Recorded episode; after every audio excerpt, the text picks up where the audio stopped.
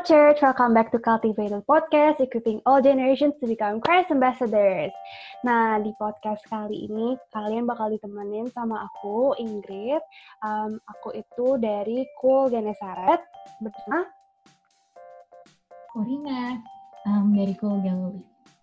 Ya, hari ini kita kedatangan guest perdana, Cici Elizabeth Prayogo. Cici boleh perkenalkan diri sendiri. Halo semuanya, my name is uh, Elizabeth.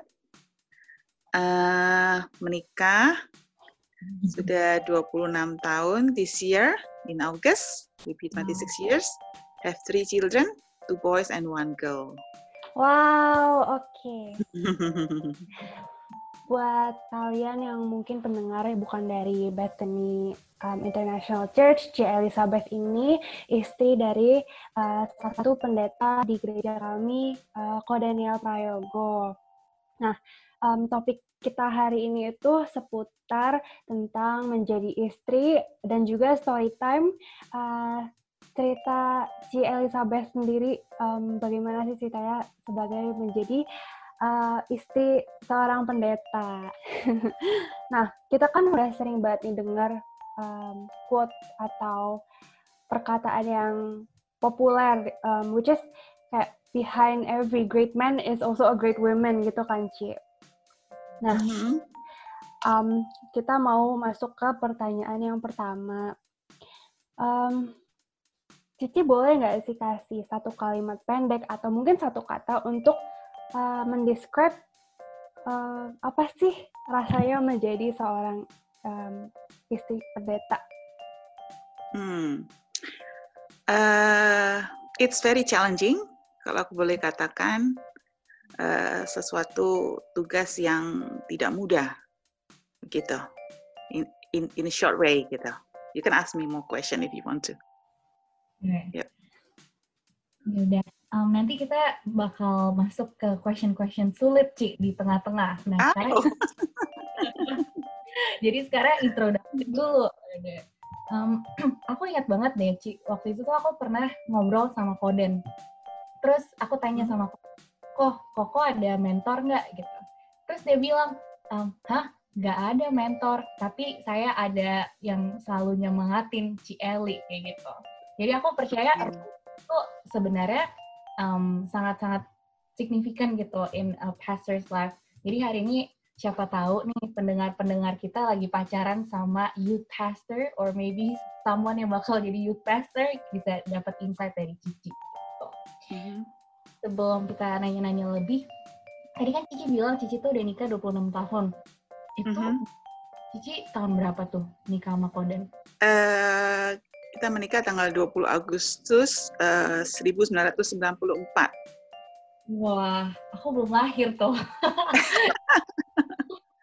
iya. Lama banget berarti ya. Terus waktu nikah, Cici um, sebelum nikah udah pernah ministry bareng belum sama Koden? Ya, jadi uh, actually kita mengenal satu yang lain tuh bukan bukan mengenal tahu lah gitu ya. Itu karena kita adalah uh, beribadah di dalam satu gereja. Jadi kita sama-sama di Sunday School uh, karena kita seumuran kan karena kita seumuran. Tapi saya sekolahnya beda sama sekolahnya Koden.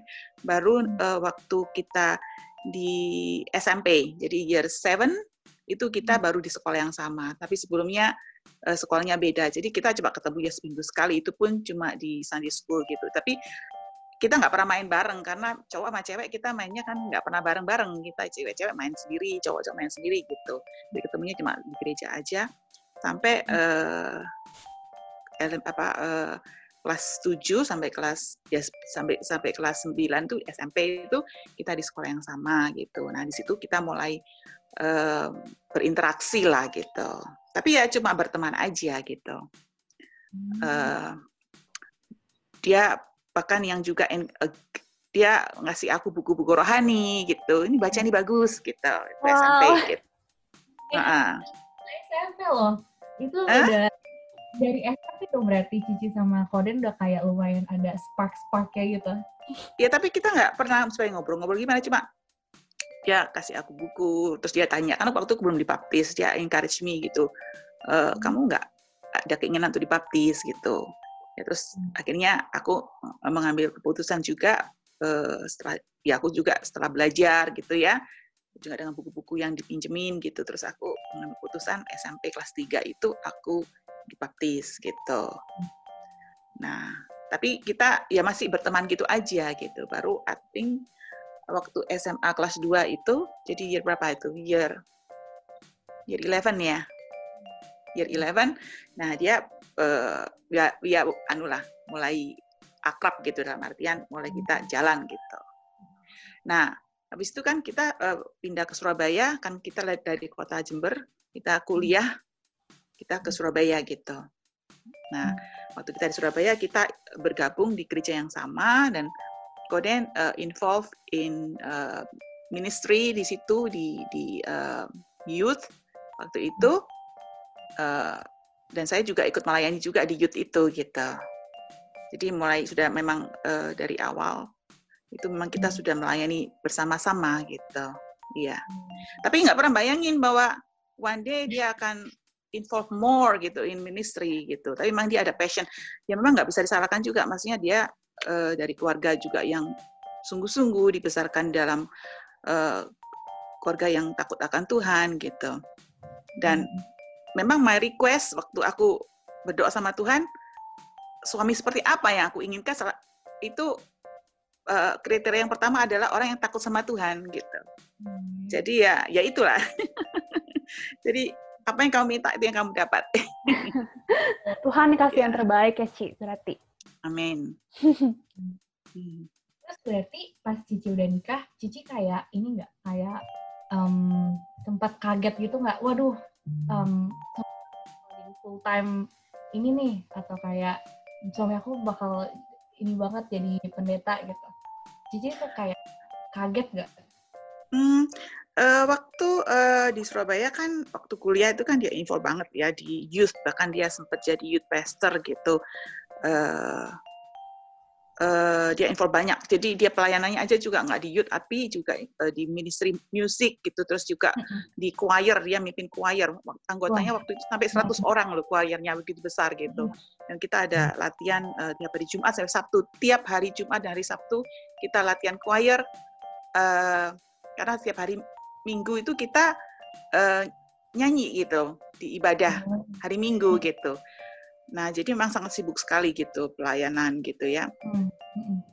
Uh, tapi aku nggak pernah bayangin bahwa one day dia akan mau lebih involve lebih banyak lagi gitu. Tapi uh, secara pribadi aku udah biasa gitu maksudku oh, dia okay. sibuk banget gitu sibuk banget dengan urusan gereja pelayan. Dia kan hari minggu kan dia juga main musik gitu. Nah itu kebaktian tuh nggak sekali satu hari, uh, dalam satu minggu. Dia bisa hari minggu itu bisa pelayanan sampai tiga kali kebaktian karena dia ngiring musik gitu. Dia uh, main, main keyboard gitu.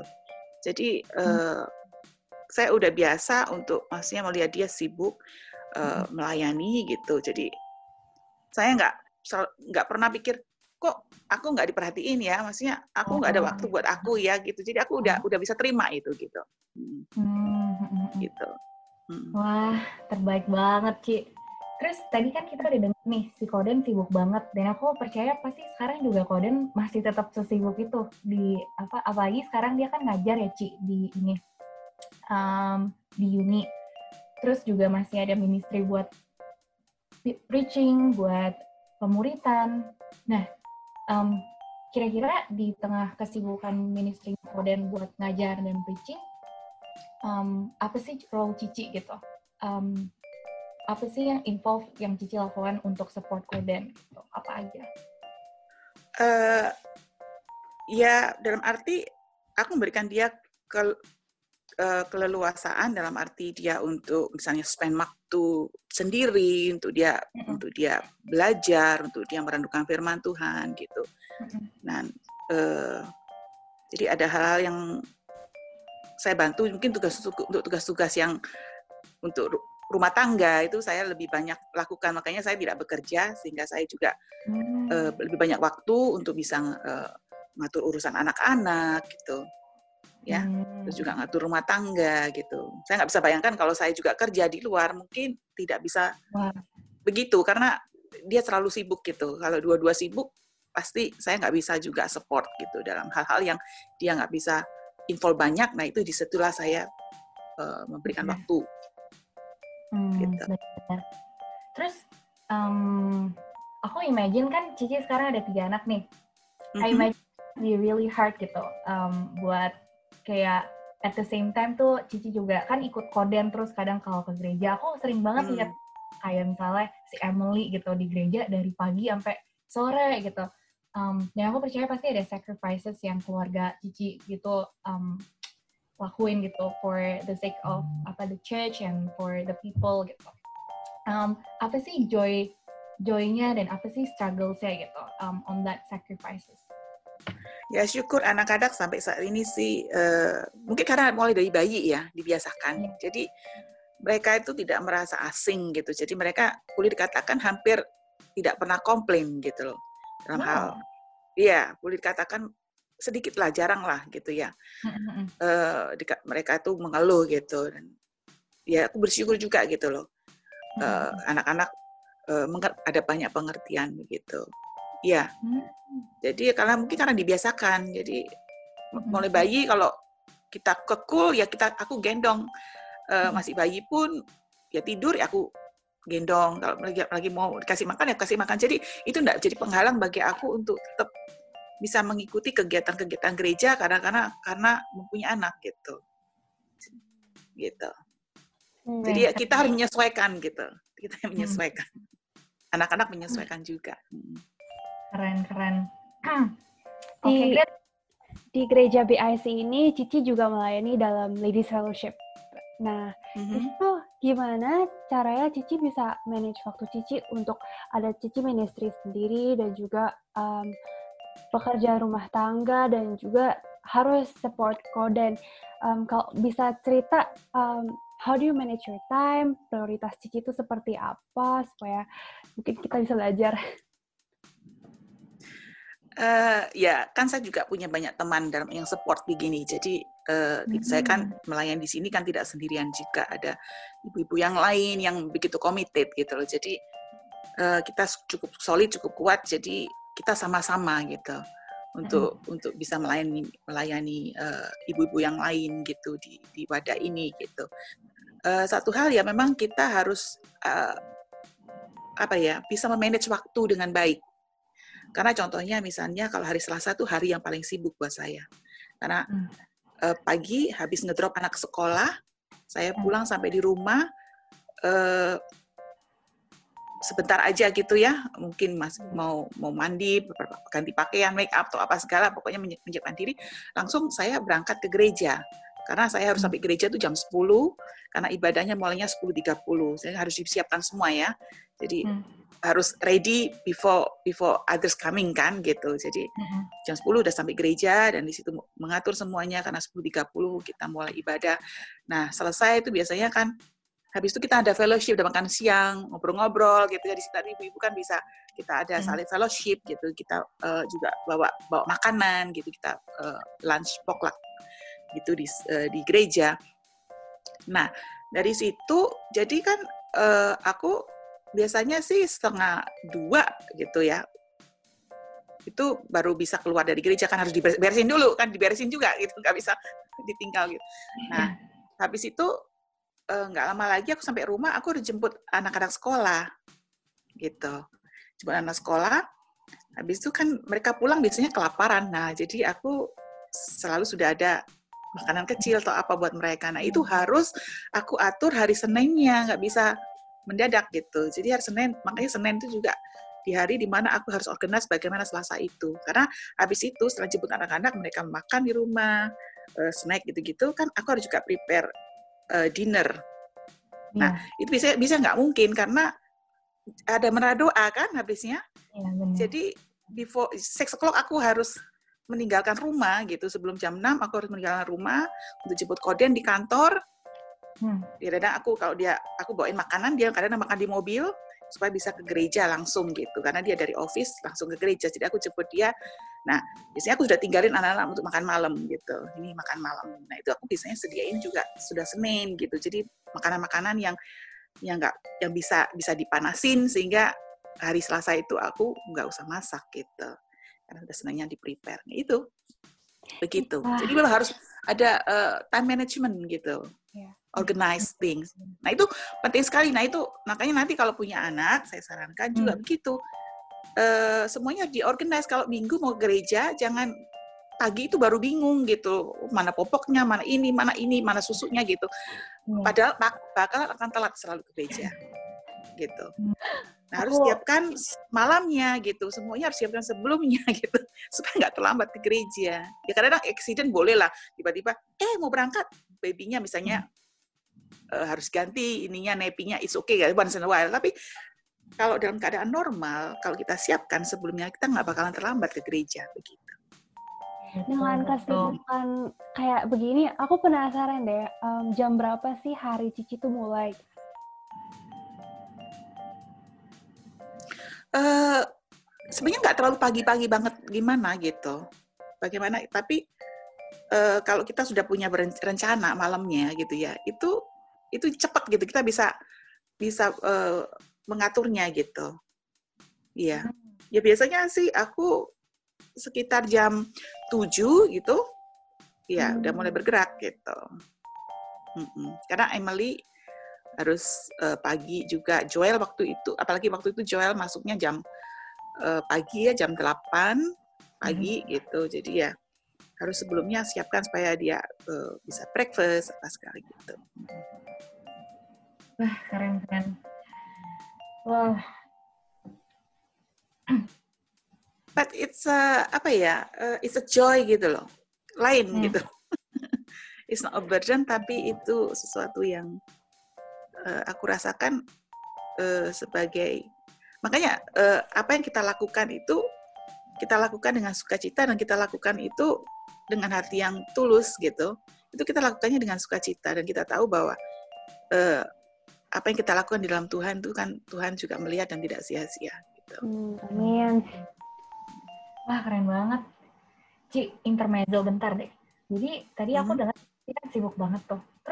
Cici berarti sekarang udah nggak kerja. Dulu tuh pas Cici muda, ada nggak sih kayak Cici punya aspiration to be apa gitu? Ada nggak cita-cita Cici gitu? Ada, ya karena memang ya manusia pasti kan berencana, ya kan. Mm-hmm. Uh, dulu aku memang waktu uh, di Indonesia sekolah keguruan bahasa Inggris maksudnya aku rencana nanti di waktu itu akan buka uh, sekolah bahasa Inggris jadi aku buka seperti private school gitu yang mungkin aku bisa buka di garasi rumah atau di pokoknya di convert gitu. So I can hmm. work from home gitu maksudnya. Yang aku tujuan gitu.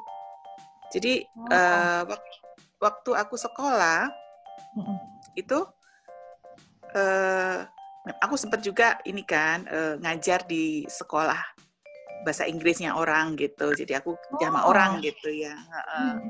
Nah, aku rencana nanti kalau aku udah lulus, maksudnya terus udah menikah, akan hmm. work from home sebisa mungkin gitu. Jadi dengan buka hmm. les di rumah gitu, ngelesin orang-orang bahasa Inggris gitu. Maksudnya begitu dulu pikirannya.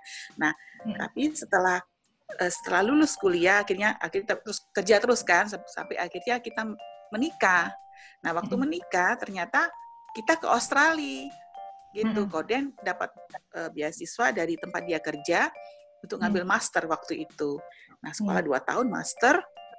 Nah sementara itu kan aku ikut ya ikut di sini di Australia itu tahun uh, 95 96. Hmm. Nah, kan kita menikah 94 ya. ya kan? Nah 94 akhir tuh Desember aku ke Australia gitu. Nah 95 96-nya ngambil master kan Koden. Nah, aku daripada hmm. nganggur aku sekolah juga, aku juga ambil master gitu. Oh. Masternya juga uh, masternya juga di uh, bidang pengajaran bahasa Inggris which is TESOL, Teaching English to Speaker of Other Languages. Gitu. Uh, uh. Nah, rencananya habis itu kita mau pulang Indo. -uh. Ya kan? Uh, mau uh, yang lanjutin lah kehidupan kita gitu di Indonesia karena Kodin kan waktu itu sudah jadi dosen di uh, suatu universitas di Surabaya gitu. Nah waktu aku pulang Indo ternyata setelah itu lulus aku dalam keadaan hamil gitu hamil wow. Erik gitu hamil Erik masih hamil muda sih jadi aku pulang ke Indo jadi uh, Jadi aku nggak apa langsung buka apa les ini bahasa Inggris yang sekolah untuk aku gitu. Tapi aku akhirnya ikut bekerja ngajar di universitas yang Koden juga ngajar gitu. Jadi aku sempat jadi dosen di situ di Universitas uh, eh, UK Petra bagian sastra, jurusan sastra bahasa Inggris. Aku ngajar di situ sampai akhirnya eh dalam waktu dua tahun itu selama aku ngajar di UK Petra, Erik juga lahir ya, kan sudah lahir. Nah itu Kodin dapat beasiswa lagi gitu, ngambil S3 di Australia. Jadi tahun 98 kita eh tahun 99 kita balik sini lagi gitu, bawa Erik kecil gitu. Jadi cita-citaku akhirnya untuk membuka sekolah itu terus Indonesia nggak jadi gitu. Ya kita berencana tapi Tuhan punya uh, maksud yang lainnya. Tapi waktu itu aku juga nggak mikir bakalan tinggal di sini permanently gitu, masih akan untuk uh, kembali lagi ke Indonesia gitu tapi nggak taunya Tuhan, Tuhan punya rencana lain. Kita kemudian dapat pekerjaan langsung belum lulus S3-nya masih diuji tesisnya. Uh, dia dia didorong oleh supervisor-nya untuk dia nggak mau sebenarnya tapi supervisor dorong ayo coba coba ngelamar gitu. Akhirnya dia ngelamar eh nggak tahu terima gitu. Mereka yang sponsorin kita PR akhirnya kita stay di Australia sampai sekarang. Nah hmm. jadi begitulah ceritanya. Jadi aku waktu selama di Australia nggak sempat kerja, cuma hmm. sekolah yang tempoh hari itu ambil master, terus waktu balik sini lagi karena udah punya anak, kemudian dalam uh, kemudian aku juga hamil anak yang kedua Joel, jadi akhirnya dengan dua anak nggak mungkin kan aku untuk bekerja waktu itu kan kita hidup dengan beasiswa kan, waktu itu nggak uh, itu terus ya itu sampai gitulah ceritanya kita we end up here until now. Wih, yeah. Terus tapi keren ya berarti Ci Eli sama Koden sama-sama suka ngajar, passionnya sama. tapi nggak apa-apa Ci, sekarang kan lagi homeschooling nih corona, kan Cici berarti bisa ngajar-ngajarin anak-anak di rumah, work from home. Iya sih, nggak bisa sih ngajarin Joel. Nggak nyampe ilmuku. Joel sekarang kelas berapa sih? Lo Joel kan udah di uni second year. Nah. iya. Berarti Emily year seven. Tapi paling enggak uh, yang ngawasin lah karena uh, untuk dimonitor juga kan gitu loh sampai di mana supaya nggak ada kelupaan kalau submit ini tugas.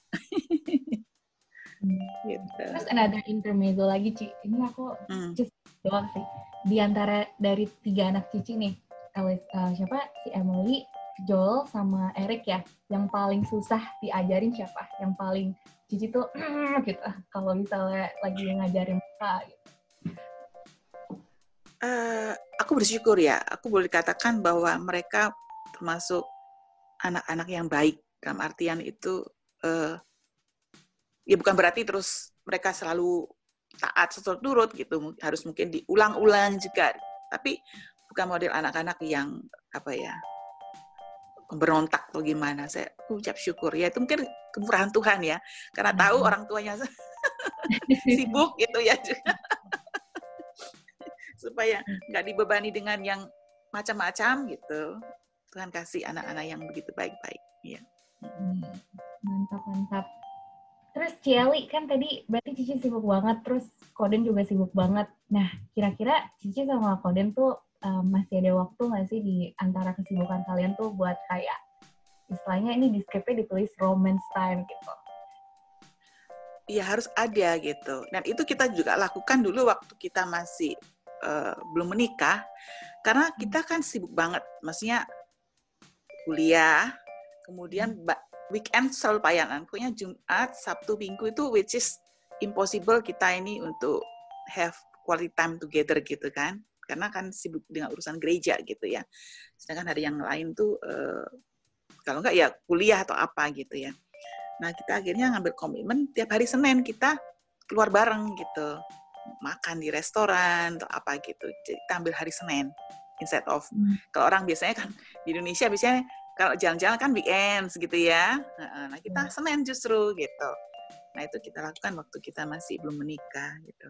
Nah, setelah menikah kan kita selalu bersama-sama gitu ya. Nah, tapi penting sekali itu uh, kita uh, dalam kesibukan itu kita memprioritaskan satu yang lain. Jangan sampai anak itu menjadi penghalang bagi kita. Ini juga komitmen bagi kita. Gitu. Karena hmm. Tuhan bilang kan uh, kita menjadi satu itu dengan pasangan kita, bukan menjadi satu dengan anak kita. Salah kalau hmm. kita ini lebih mengutamakan anak daripada mengutamakan pasangan kita. Gitu. Hmm. Jadi, yang itu komitmen yang kita uh, pegang berdua sehingga meskipun mungkin waktu nggak banyak, tapi uh, kita adakan gitu loh untuk kebersamaan ini. Gitu. Ya kalau masih dulu waktu keadaan masih normal, kadang-kadang Kamis kita keluar, gitu. Kan lock apa apa uh, mall juga buka malam kan. Nah kalau di kalau di suburb ya, kalau nggak di city aku kurang tahu gitu. Nah, kan kita hmm. jalan aja di mall, padahal ya nggak ngapa-ngapain, nggak belanja sih. Paling endah, hmm. paling makan, paling ya juga nanti belinya beli groceries lagi. Gitu. cuma aja cuma aja cuma kebersamaan aja gitu. Hmm. yang juga sering kita lakukan adalah kita ngobrol. Ya mungkin nggak ke mana-mana tapi kita sebelum tidur kita ngobrol. Kita uh, bagi apa ya kadang-kadang kita bicara firman juga gitu. Kita share uh, aku misalnya ada waktu uh, aku baca ayat nih kok begini-begini ya gitu loh jadi aku pengertianku begini-begini nah kita aku biasanya terus uh, juga saling tukar pikiran gitu. Hmm. Gitu. Iya.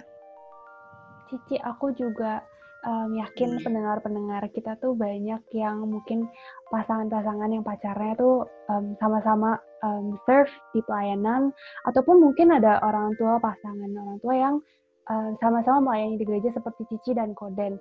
Cici bisa nggak sih kasih saran apa supaya uh, kalau tadi kan Cici ceritain in terms of gimana caranya masih punya waktu uh, berbagi waktu untuk intimasi. Tapi kalau untuk um, satu pasangan tetap on fire untuk ministry sama Tuhan tuh um, apa sarannya? Maksudnya nggak seimbang gitu maksudnya. Satunya uh, on fire, satunya enggak gitu atau gimana? Uh, gimana caranya kita kita satu pasangan ini bisa saling membantu atau saling support untuk hmm. selalu hmm. berapi-api melayani hmm. Oke okay, oke, okay. ya ya, ya karena uh, kita ini kan berhubungan masing-masing dengan Tuhan ya. Kita nggak bisa memaksakan uh, apa yang kita rasakan dengan kepada orang lain, termasuk pada pasangan kita. Itu kita nggak bisa paksakan. Nah, uh, paling kita juga cuma bisa encourage memberi contoh, memberi teladan, gitu. Itu aja, gitu. Nggak bisa dipaksakan karena nggak mungkin gitu kan nanti jadi jadinya fake gitu. Nah dan juga kita nggak bisa push gitu ya. Jadi ya memang uh, kita encourage, kita dorong, tapi tidak bisa ditarik-tarik gitu, nggak bisa. Nah, jadi kadang-kadang kita juga harus bisa memaklumi atau bukan maklumi ya maksudnya uh, to be sabar gitu ya, sabar untuk untuk ini untuk pace, pace apa pace-nya mereka mungkin nggak sama gitu. Hmm. Dalam pengenalan Tuhan gitu.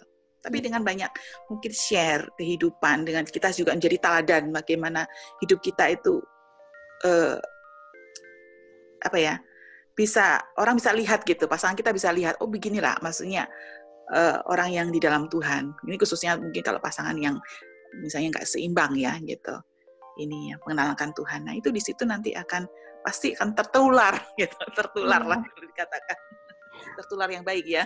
Mm -hmm. Oke, okay, thank you Cici. Last question nih, um, boleh nggak share favorite first Bible verse Cici itu apa? Uh, kalau khususnya mengenai ya banyak ya verse gitu apalagi uh, setiap kali baca firman tuh ada hal yang yang eh, baru masih dalam arti pengertian-pengertian baru yang Tuhan bukakan yang dulu saya ngertinya begini eh ternyata setelah pelajaran lebih banyak itu Tuhan bukakan sesuatu yang baru gitu dalam artian hmm. gitu. Nah, kalau mengenai wanita mungkin uh, salah satunya adalah yang mendasar adalah wanita itu Tuhan ciptakan unik kan gitu, tidak sama hmm. dengan pria. Iya, dia sederajat dalam artian dia sama-sama harganya di hadapan Tuhan, bukan wanita itu lebih rendah daripada e, pria gitu. Sama, tapi dia punya fungsi yang berbeda khususnya dalam in a marriage dalam pernikahan dia punya fungsi yang beda. Nah kita sebagai wanita-wanita harus uh, bisa tahu fungsi kita sebagai penolong gitu. Hmm. Jadi kalau kita tahu fungsi kita sebagai penolong, kita harus tahu gitu apa yang perlu ditolong dari pasangan kita kan gitu. Hmm. Bukan kita yang mendikte, bukan kita yang mendominar, mendominasi gitu. Seperti apa yang kita hmm. mau, tapi kita harus tahu panggilan pasangan kita apa gitu. Sehingga kita bisa menolong pasangan kita. Nah, uh, dan banyak juga uh, ayat-ayat di Alkitab gitu yang mengatakan itu salah satunya juga bahwa uh, tugas utama, maksudnya fokus utama wanita itu adalah di rumah tangga. Hmm. Mungkin baca ya di Titus 2. Hmm. Di Titus 2.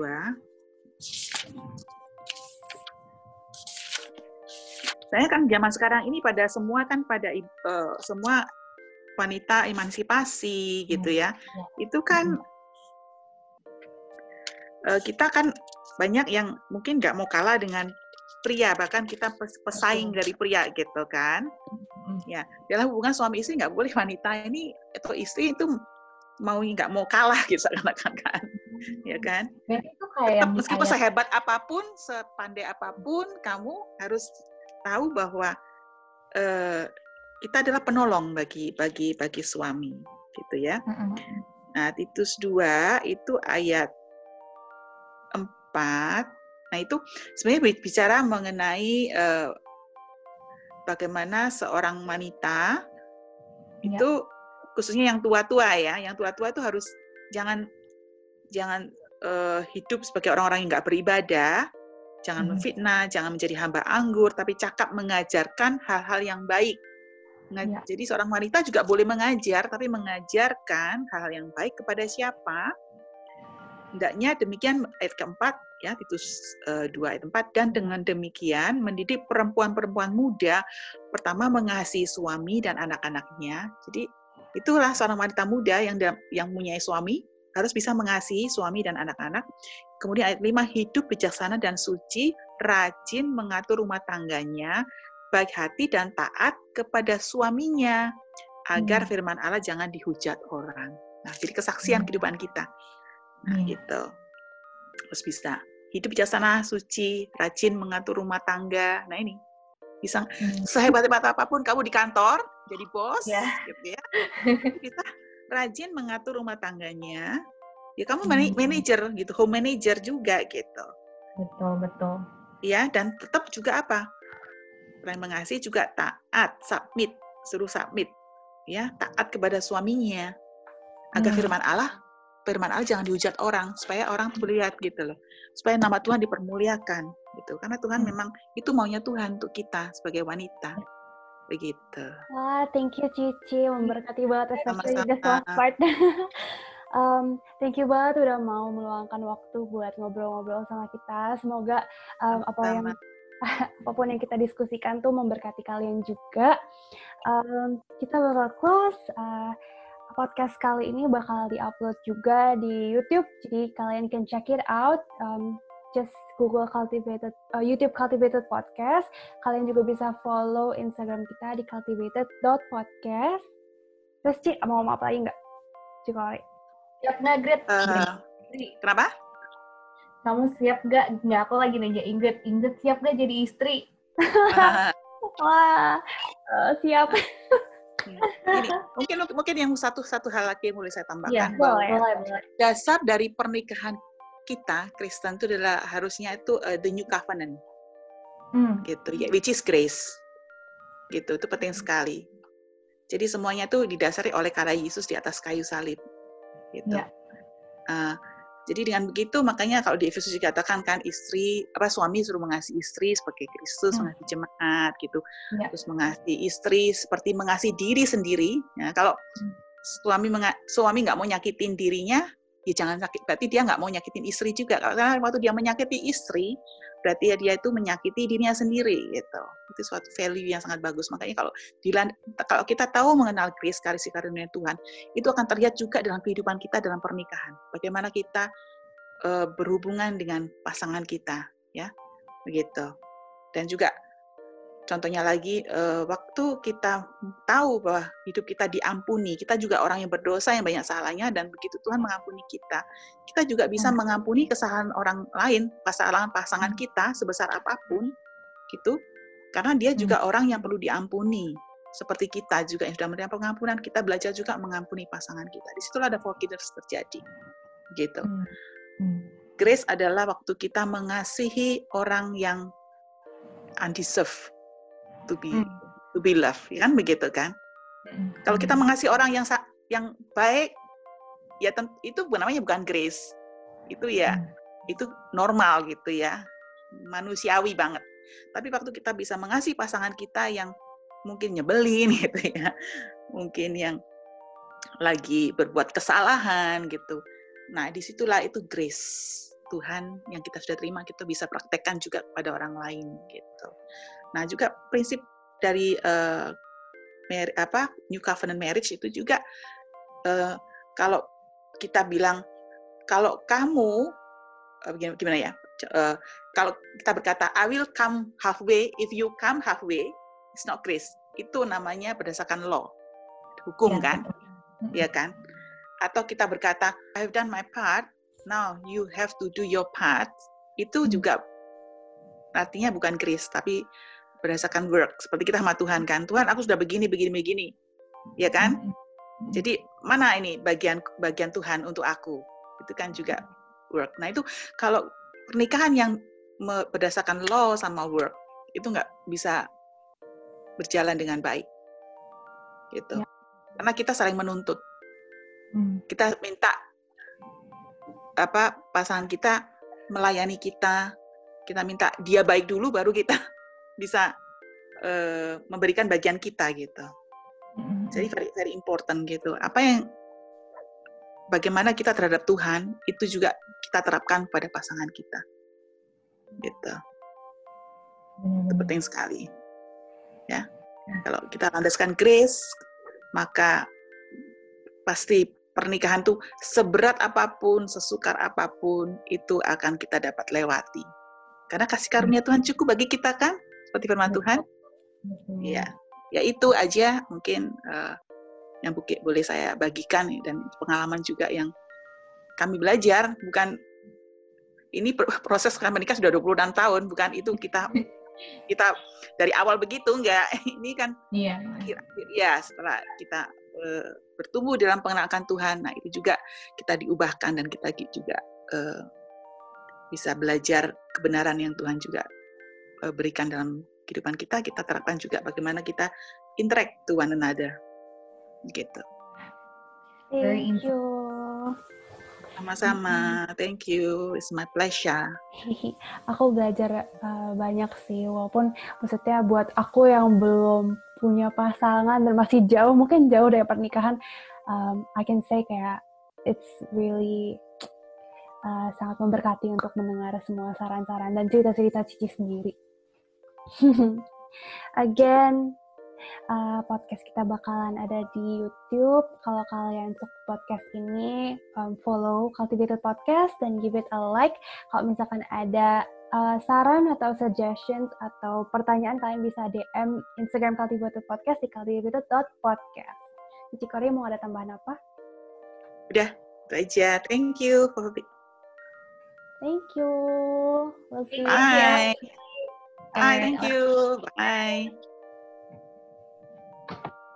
Terima kasih sudah mendengarkan podcast kami. Share podcast ini kalau menurut kalian memberkati. Cultivated Podcast tersedia di Spotify dan YouTube. Dan kalian bisa cek juga Instagram kita di cultivated.podcast. Terima kasih.